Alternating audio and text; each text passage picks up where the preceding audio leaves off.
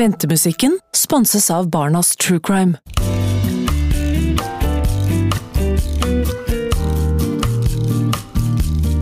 Og der var ventetiden over. Nå kan barna lytte til True Crime i Fabel-appen. Kom i gang på fabel.no. Fabel, lytt til oss. Du hører Hva skjedde med Tina fra Svarttrost. Dette er den sjette og siste episoden, og det er Kristin Vesterheim som forteller.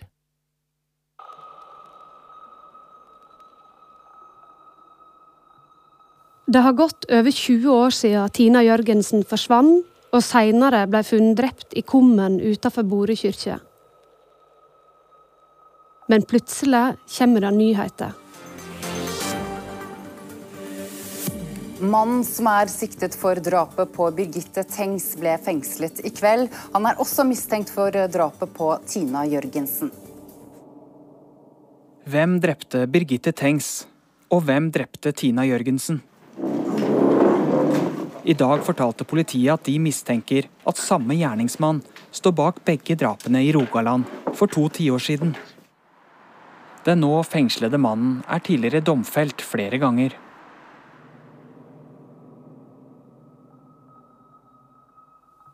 Den de har sikta, er han vi i tidligere episoder har kalt Karmøymannen. Han som òg har vært høyt oppe på politiets liste over åtte mulige moduskandidater.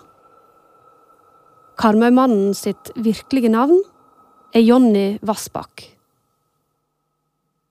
Ja, altså Politiet har jo hele veien vært klar over at eh, Jonny Vassbakk var i Stavanger den helgen. Og eh, de er jo òg fullstendig klar over hans eh, rulleblad fra tidligere. Det er jo derfor han allerede i 2013 står på den topplista til politiet.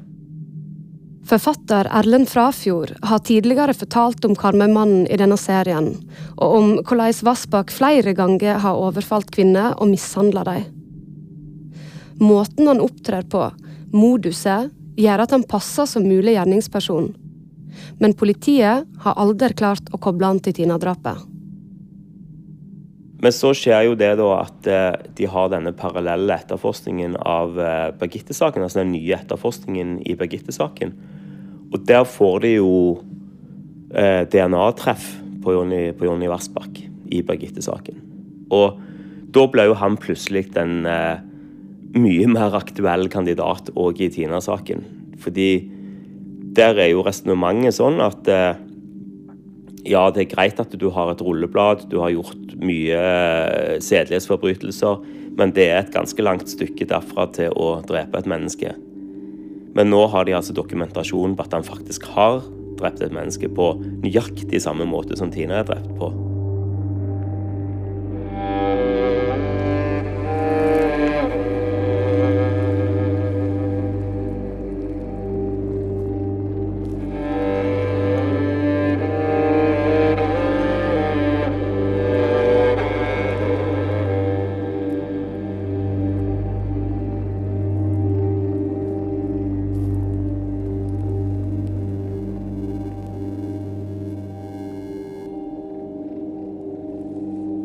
Fortellingen om Jonny Vassbakk er ingen vakker historie. Han er bare 15 og et halvt år da han bruker ei sykkelpumpe til å denge løs på hodet til ei kvinne i nabolaget. Etterpå unnskylder han seg med at han trodde hun var ei annen.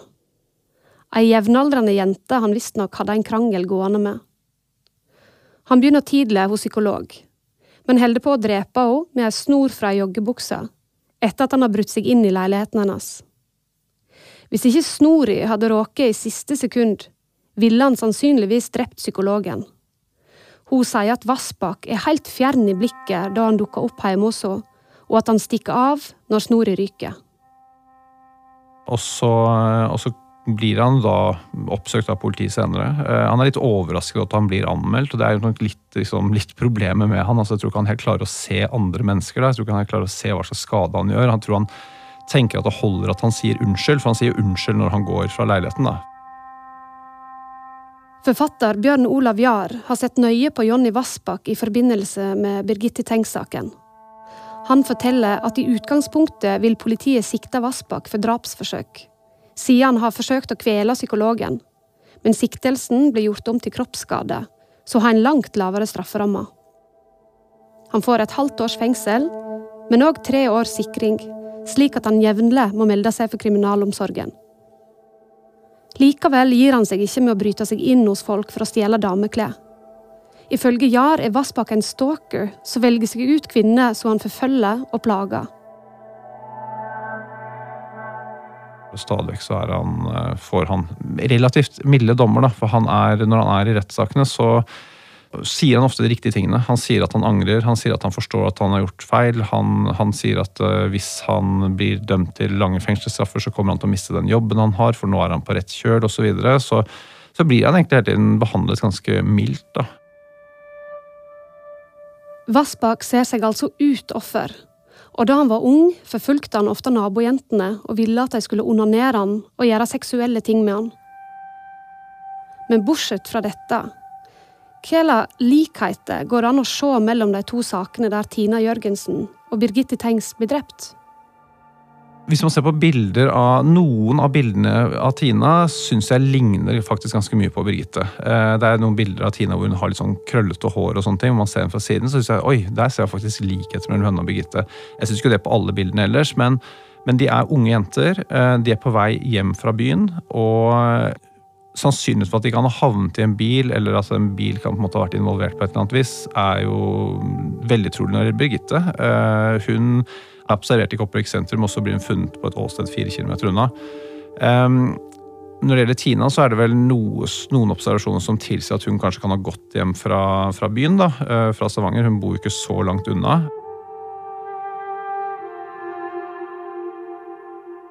Begge jentene har altså vært ute og gått alene seint om kvelden. Bjørn Olav Jahr peker òg på drapsmetoden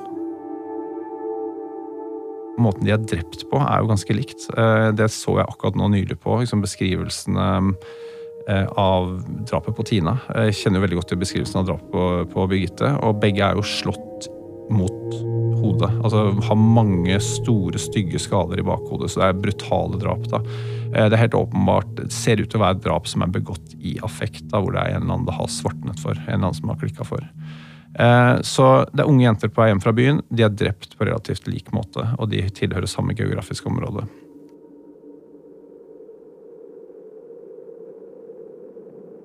I 2013, nesten 13 år etter drapet på Tina, bestemmer altså politiets cold case-gruppa seg for å se på Tina-saken på nytt. Det er da de oppdager at viktig bevismateriale enten er kasta eller brent. Men de finner andre ting det er snakk om observasjoner gjort høsten 2000 de velger å se nærmere på. Observasjoner som gjør Karmøy-mannen Jonny Vassbakk mer aktuell, forteller forfatter Erlend Frafjord. Et par dager før Tina-drapet så er det noen jenter på en barneskole i Stavanger sentrum som observerer en mann utenfor skolen med dameklær, altså damestøvletter og skjørt og det blir jo en, eh, en liten notis i Stavanger Aftenblad som står på trykk dagen før Tina ble drept, om denne mannen i dameklær. Det skjedde altså dagen, to dager før Tina ble drept. Og vi vet jo at eh, Karmøy-mannen han likte å kle seg i dameklær. Det var et av hans særtrekk. da. Og dagen før Tina-drapet så ble det observert en blotter på Revheimsveien rett utenfor Stavanger. Eh, han setter seg på huk og sier at han ikke er farlig. Og Karmøy-mannen, hans modus for tidligere blottinger, det er å sette seg på huk og si at jeg er ikke farlig. Så politiet de har jo vært veldig interessert i begge disse to eh, observasjonene og sett om de kunne knytte disse tettere opp mot Kammermannen og få bekreftet at, det at dette var han. Teorien her er jo at han har eh, vært i et eh, seksuelt opphissa modus i denne perioden. Altså, det er jo da han gjør alt dette. Det er jo da han kler seg opp i, i dameklær, det er jo da han blotter seg. Og dette skjer altså dagene før Tina-drapet. Det som er helt sikkert, er at Jonny Vassbakk var i Stavanger den helga Tina Jørgensen ble drept. Han krasja nemlig med en taxi natt til lørdag, altså kvelden før Tina forsvinner. Vassbakk må dermed fylle ut en skademelding. Bulkingen har skjedd i Museegata, og denne kvelden virker det som Vassbakk har kjørt formålsløst rundt i byen, samtidig som han antageligvis har forsøkt å komme i kontakt med ei ung jente han kjenner fra før, forteller Bjørn Olav Jahr. Dette er en jente som han har hatt ettersom jeg forstår, kanskje en seksuell relasjon til. Har han, er han ute etter sex. Eh, og, og, han får ikke tak i henne. Eh, og, og, han, og, han, er opptatt av at liksom det, det, virker som det er viktig for ham å huske akkurat det, at han var der, havnet der ved en tilfeldighet. Og akkurat da at Vassbakk sier at han havna i nettopp Museegata ved en tilfeldighet, er en detalj Erlend Frafjord òg har grubla mye på. Og det som jeg syns er litt rart, er at han eh, blir spurt om hvorfor han kjørte opp bakken ved museet i Stavanger. Det er jo der han kolliderer med taxien. Altså, hvorfor kjørte han der? Og Så sier han til politiet i 2001 at han, han kjørte derfor han tok feil av veien. Han skulle egentlig til Stokkaveien, der han bodde, men han kjørte feil, så han kjørte opp den bakken. For meg er det helt uforståelig at det er mulig å kjøre feil. Hvis du er litt kjent i området her, så, så er ikke det mulig å, å, å ta feil. Altså, det er to helt motsatte veier. Og han var godt kjent i området. Han hadde kjørt rundt i Stavanger i, i flere år. Det oppdager jo ikke politiet i 2001, men han, eh, han lyver jo da åpenbart til politiet. Og jeg har jo tenkt eh, hvorfor gjør du det? Altså hvis du, hvis du ikke har noe å skjule, så er det jo ingen grunn til å lyve om noe sånt. Og Så gjentar han denne løgnen i 2013. Og Det som er spesielt med avhøret i 2013, er at han sier at han kan ikke lenger huske noe av den helgen i Stavanger i 2000, da han kolliderer med den taxi. Det eneste han husker, det at han tok feil av veien. Og Det er òg veldig spesielt å, å si til politiet 13 år etterpå Du husker ingenting, men du husker at du tok feil av veien. For meg så forteller jo dette at det var en oppkonstruert forklaring. altså Det er noe han har tenkt ut. da, Og det er grunnen til at det er det eneste han husker 13 år etterpå. Bjørn Olav Jahr mener òg at det at Vassbakk distanserer seg fra Museegata ved å si at han bare kjørte feil, er en detalj å legge merke til. I Birgitte Tengs-saken er det nemlig Gamle Sundsveg Vassbakk tar avstand fra. Så igjen, sant, parallell til Birgitte, hvor han sier liksom at han kjenner ikke til Gamle Sundsvei. Det viser at han har jobbet like i nærheten. Han har kjørt frem og tilbake forbi Gamle Sundsvei hver dag frem og tilbake til jobb. Så distanseres han seg her også fra Museegata. Altså det, det, det, har ingen betydning. Det er grunn til å bli mistenksom over, tenker jeg. Det, er, det kan være Her har han noe å skjule. Uh, her snakker han ikke sant. For det må man være klar over når det gjelder Jonny Vassbakk veldig ofte så snakker han ikke sant. Uh, han er ikke en person som har noen problemer med å lyve. Jar mener òg at det Tine hadde på seg kvelden hun forsvant, den lange, svarte skinnfrakken og platåskoene, kan ha gjort henne ekstra synlig og tiltrekkende for en person med Jonny Vassbakk sine interesser.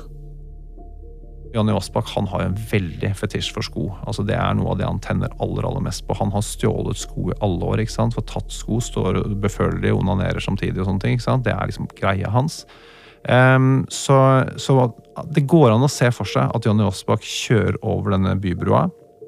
Han ser da en ung jente med lyst hår som går og holder i et par platåsko. Jeg vil tenke at det trigger ham voldsomt.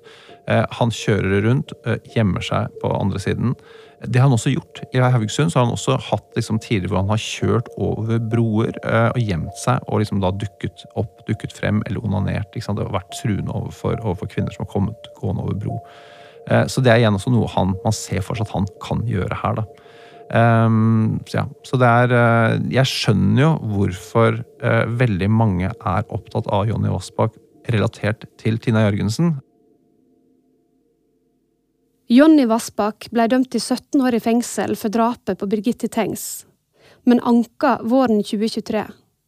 Saken skal etter planen opp i lagmannsretten og en ny full rettsrunde høsten 2023. Siktelsen mot han i Tina-saken blir frafalt, men Bjørn Olav Jahr mener det hadde noe for seg å formelt sikte Vassbakk for dette drapet òg. Det jeg forstår, sant, at Når han blir siktet i Tina Jørgensen-saken, så, jo, så er det jo også fordi man ønsker å gjøre ransaking av, av, boligen hans for å lete etter ting som er relatert opp mot Tina. Så, så det er litt sånn formell, formalitet også over det. Uh, men um, men de, jo, de, de, gikk jo ganske tidlig ut eh, cold case og sa at de så etter en person som kanskje hadde både utført drap uh, Birgitte og på Tina. Og det sa de jo før de fant Jonny Aasbachs DNA på Birgitte også, ikke sant. Uh, så, så, den teorien Altså cold case løftet jo heldigvis blikket og, og tenkte sånn ok, det er faktisk mulig at det er samme mann. Uh, noe som er helt vanvittig at ikke man har tenkt på tidligere. at ikke det har vært mer fokus på tidligere. Eh, og hadde det vært mer fokus på tidligere, så ville man jo kanskje hatt enda større fokus på Jonny Aasbakk, som jo helt åpenbart liksom sto ut i Birgitte-saken. Men jeg, jeg, tenker sånn, jeg tror jo ikke at politiet, selv om de, eh, altså selv om de formelt har frafalt siktelsen mot Jonny Aasbakk, så tenker jeg sånn De fortsetter nok å etterforske uh, Tina-saken opp mot Jonny Aasbakk. Altså, de kan ikke la noen steiner forbli ikke snudd i det tilfellet der. Um, det er jo det er jo etter at han ble dømt eh, for drap på Birgitte, så, så er det jo lett å tenke seg at sannsynligheten for at han har tatt Tina, også har økt veldig, da.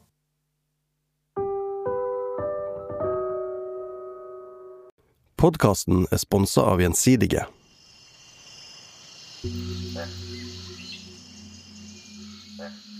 I Colombia så fikk vi være med på en tur eh, inn i jungelen. Og eh, det var, det var egentlig en drøm som ble til et mareritt. I 2006 søkte Eva Hagby permisjon fra en god jobb i hotellbransjen, og dro ut på jordomseiling med familien sin. En alvorlig hendelse skulle etter hvert inspirere hun til å skifte jobb. Vi kom tilbake igjen på båten og våknet neste morgen at min mann ikke klarte å røre seg. Han var helt fullstendig lammet. Og vi, jo, vi hadde jo ingen andre. Altså, det var ingen andre kjente, ikke noe familie. Vi lå i et land, vi kunne ikke snakke spansk. Men vi fikk han raskt inn på det lokale sykehuset i Cartagena. Og selvfølgelig ringte vi til Gauda Alarm, forsikringsselskapet som vi var forsikret i. Og det å da få en lege fra alarmsentralen som snakket spansk og hadde dialogen med sykehuset, men samtidig hadde språk, vårt språk og kunne snakke med oss også, det var eh, Ja, det var helt, helt fantastisk. Og det var jo det jeg følte at fy søren, uten Gauda så hadde vi jo ikke klart å komme oss gjennom dette her. For mannen til Eva blir frisk, og etter noen veker kan de seile videre. Så noen havner seinere får hun lyst til å sjekke stillingsannonser.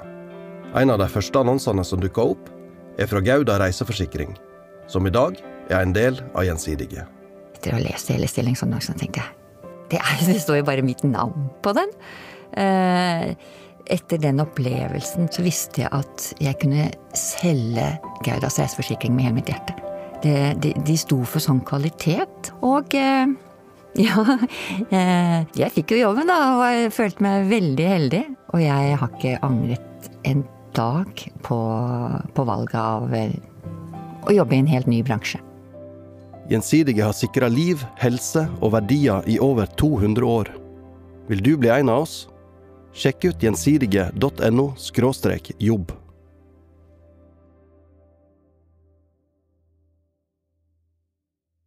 Før du hører videre, så vil jeg tipse deg om en annen serie som du finner her i Svarttrost Dukk. Den 5. september 1996 går den 34 år gamle politisekretæren Grete Strømme inn i en telefonkiosk i Haugesund sentrum. Hjertet hamrer ekstra hardt da hun finner fram myntene for å slå nummeret til etterforskningsleder Ståle Finsal i Kripos. Jeg vil ikke ringe fra jobben. Hun kan se bygget der han jobber fra telefonkiosken hun står i. Det ligger like ved hennes egen arbeidsplass. Grete vil varsle om en mulig gjerningsmann i Birgitte-saken. Og Da sier Finsal at ja, det er et kjent navn for meg. 26 år seinere står mannen Grete varsla om tiltalt for drapet på Birgitte Tengs. Allerede den gangen leverte hun inn et svært etterforskningsdokument på han. Hvorfor ble hun ikke hørt? Hør serien Varsleren i Svarttrost Dukk. Nå tilbake til episoden. Men kan det være slik at Jonny Vassbakk rett og slett ikke husker det han har gjort, hvis han har gjort noe kriminelt mot Tina? For flere har nevnt den transelignende tilstanden han går inn i når han overfaller kvinner.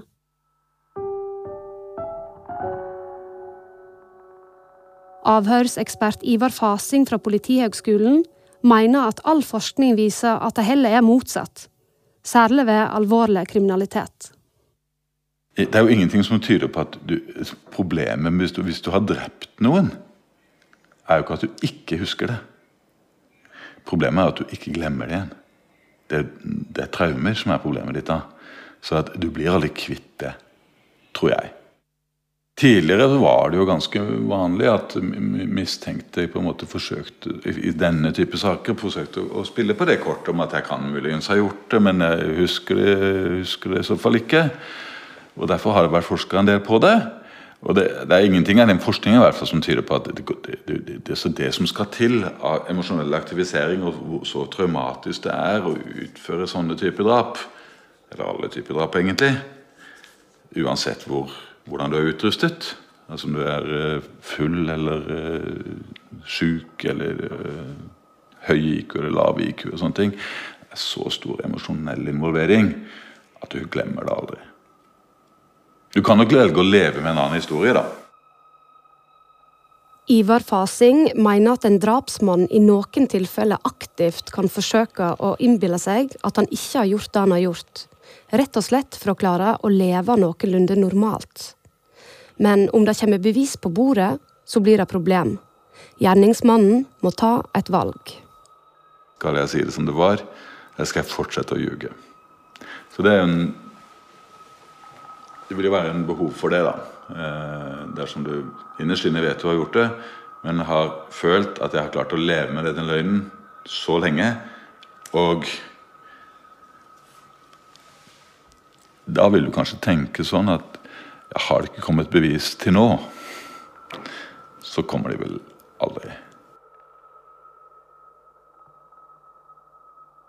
Elise Landa Ei av Tina sine nære venninner syns det har vært slitsomt med alle opp- og nedturene. Etter over 20 år er hun blitt litt desillusjonert. Vi vet jo at oddsene eh, i Tina-saken dessverre er eh, kjempesmå. Så når Jonny blei tatt det der, så tenkte jeg ja ja, det kan jo være at det var han.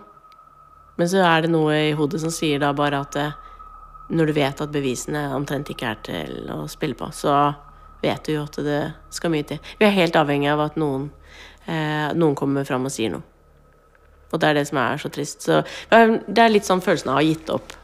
Eh, på en måte. Ikke gitt opp sånn for hennes del, sånn, men høres fælt ut. Men du har gitt opp i form av å få et svar, da. Eh, som så litt sånn Mista litt tiltro til at eh, noen klarer å finne noe. Og det er jo fordi at vi vet at eh, at det er nesten ikke beviser. Hadde vi kunnet hatt noen beviser som vi kunne brukt i dagens metoder, så hadde kanskje håpet vært litt sterkere på å finne ut noe. Men det er jo ikke sånn at jeg tenker at det, det, er helt sikkert han. Det er jo ikke det heller, for jeg tenker at jeg vet jo ikke. Og så blir jeg litt sånn irritert kanskje litt på politiet òg, for at de hele tiden tenker at ja, nå er de helt sikre. på en måte. Og så tenker jeg, når de da faktisk nå gitt ut og sa med en gang også at ja, vi tar den også inn i Tina-saken. Det gjorde de jo ganske kjapt.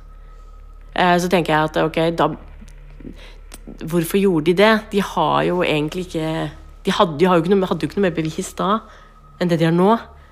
Ikke sant? Så, så jeg skjønner at de kanskje trodde det, da, og, det og kanskje er det han. Det kan hende. Men det er jo ingen som vet det. Vi vet jo ikke det, så vi kan jo ikke, vi kan jo ikke dømme han for det.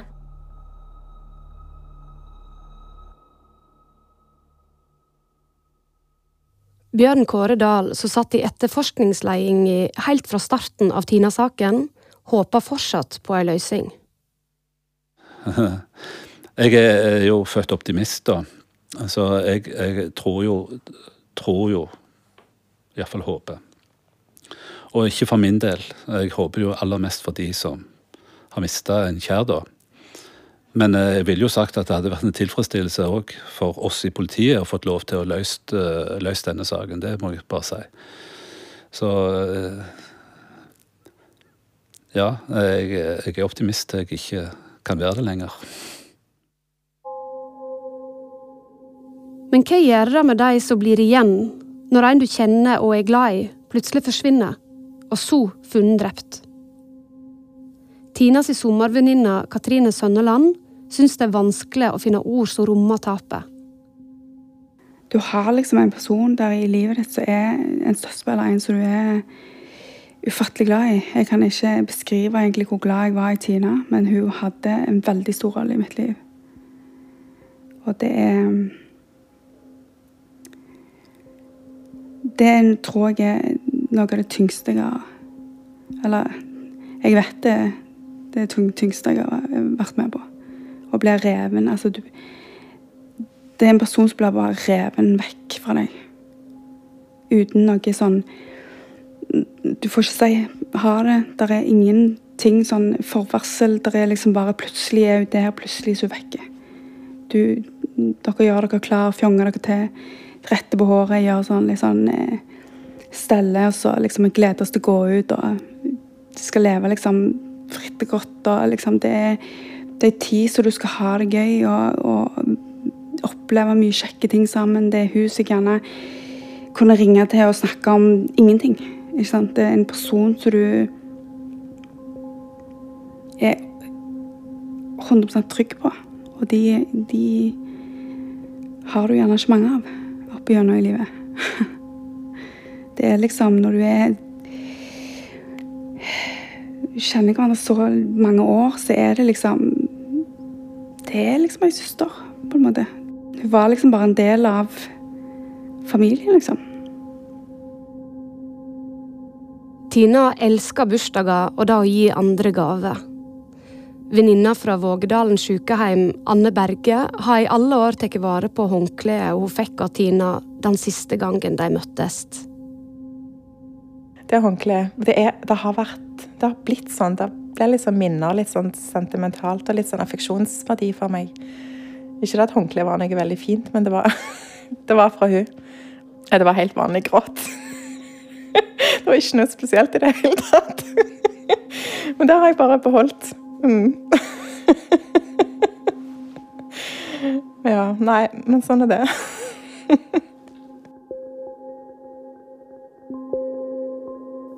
Etter at Elise flytta til Larvik, fikk hun et stort kort av Tina, der hun skriver om vennskapet deres og om hvor mye Elise betyr for henne. Så det å skrive det var nok litt eh, enklere enn å, enn å si det. Så, så, så hun, hun, øste jo ut um, kjærlighet til andre. Men det var nok ikke så lett å ta vare på seg sjøl. Alltid. Så bare sånn som det kortet jeg fikk også da jeg flytta, på en måte, var jo helt fulle av, fulle av kjærlighet og omsorg. Elise svarte aldri på kortet hun fikk fra Tina. Og så skjedde det som skjedde. Hva fikk hun tilbake, liksom? Mm, at vi andre kanskje ikke har ja, hva, Ga vi henne noe tilbake noen gang, liksom? Og det kan godt hende vi gjorde det i hennes verden også. altså at vi gjorde Det det er vanskelig for oss å huske kanskje nå. Altså Vi fikk jo tilbake i vennskap og sånn, men det å måtte faktisk sette ord på det, da Eller skrive noe, eller ja, sånne ting. Så ja, det, Muligheten forsvant jo, så da fikk man jo ikke gjort det. Så det er lett å tenke på etterpå. At uh, man skulle ha sagt noe. Ja, Hun hadde fortjent det. Men det fins andre og lysere minner om den flotte Tina som likte å være ute på byen. Men hun var jo veldig stell når vi gikk ut med masse sminke og høye sko og skjørt. Og, og eldst hun dansa. Når vi sto nede i kjelleren på korvetten og hun Venninna Anne fikk inn et godt minne om Tina. En kveld hun satt og så på TV med tenåringssønnen, og E-Type spilte da så jeg jo Da kom faktisk eh, da kom det bilder opp fra Tina på dansegulvet der nede med litt sånn mørk belysning og litt sånn diskolys. Eh, og Tina står der og danser og er ganske Du ser på henne at hun slipper seg helt løs og er veldig blid og fornøyd. Litt flørtende i blikket. Eh, blonde, krøllete håret løst. ja. Det var ganske For det, sånn, har ikke, sånn har ikke skjedd før. Og det er i hvert fall veldig lenge siden jeg har sett noe så tydelig for meg. Men da E-Type kom på TV, da, da var jeg tilbake igjen.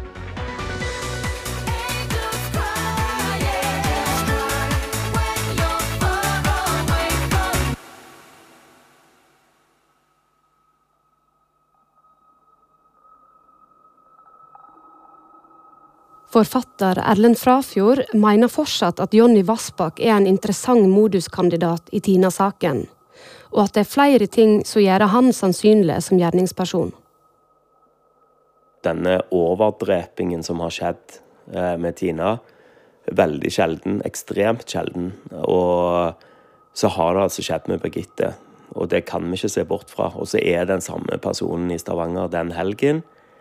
Eh, så i mine øyne så øker sannsynligheten for uh, at vi har samme drapsmann i de to sakene, den er, den er i mine øyne økt ekstremt mye, da. Ekstremt mye.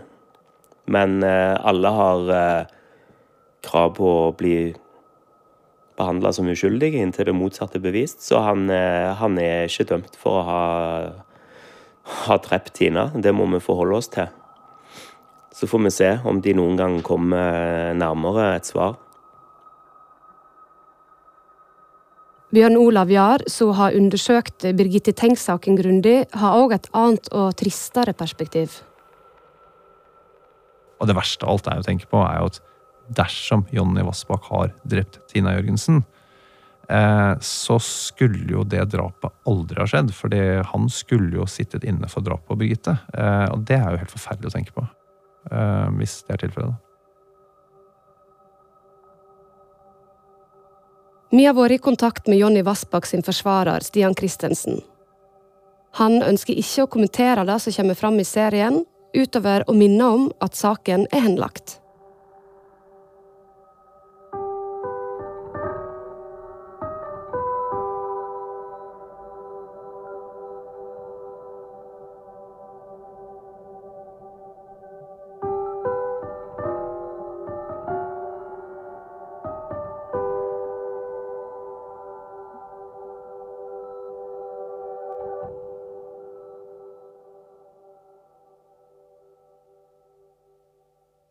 Hva skjedde med Tina er laga av Kristin Vesterheim og Line Alsaker i Fenomen. Klipp ved Tormod Brekke Øie, lyddesign ved Hans Kristen Hyrve, Erlend Frafjord har bidratt med research og materiale fra boka Da Tina ble drept. Arkivklipp er fra NRK, og ansvarlig redaktør i Svarttrost er Kari Hesthamar. Tinas mor og den tidligere kjæresten hennes har blitt spurt om å delta, men har takka nei. Hvis du har lyst til å høre alle seriene og bonusepisodene våre, så kan du bli abonnent på Svarttrost Dukk. I podkastspilleren til Apple så gjør du det ved å trykke på abonner-knappen. Og hvis du hører gjennom Spotify eller andre podkastspillere, så kan du følge lenka i episodebeskrivelsen. Har du et enkeltpersonforetak eller en liten bedrift? Da kjenner du kanskje følelsen av å skulle gjøre regnskapet, men så var det de kvitteringene, da. Hvor har de gjort av seg? Med fiken får du en egen app for kvitteringer bare ta bilde og kast papiret, så tolker fiken kvitteringen og legger inn det som trengs i regnskapet. Gjør som over 70 000 andre, ta regnskapet selv med fiken. Prøv gratis på fiken.no.